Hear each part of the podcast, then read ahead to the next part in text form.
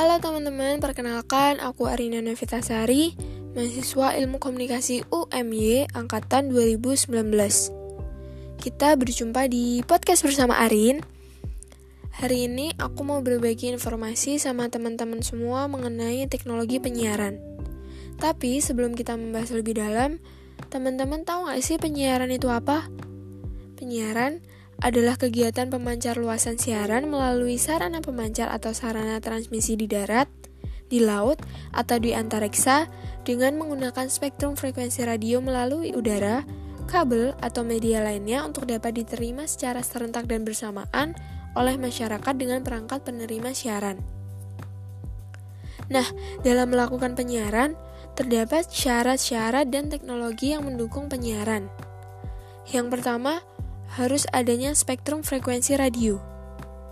Spektrum frekuensi radio merupakan kumpulan pita frekuensi radio yang berbentuk gelombang elektromagnetik serta memiliki lebar tertentu.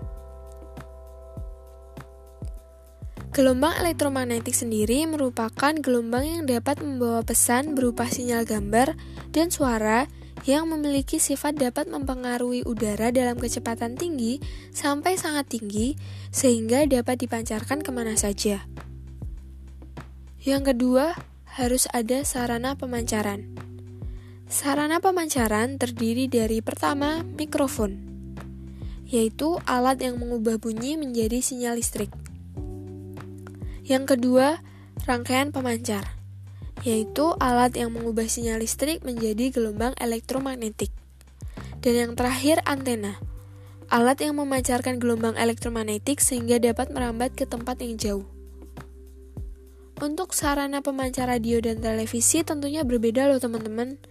Untuk sarana pemancar radio dibagi menjadi dua, yaitu amplitudo modulasi atau biasa disebut AM dan frekuensi modulasi atau FM.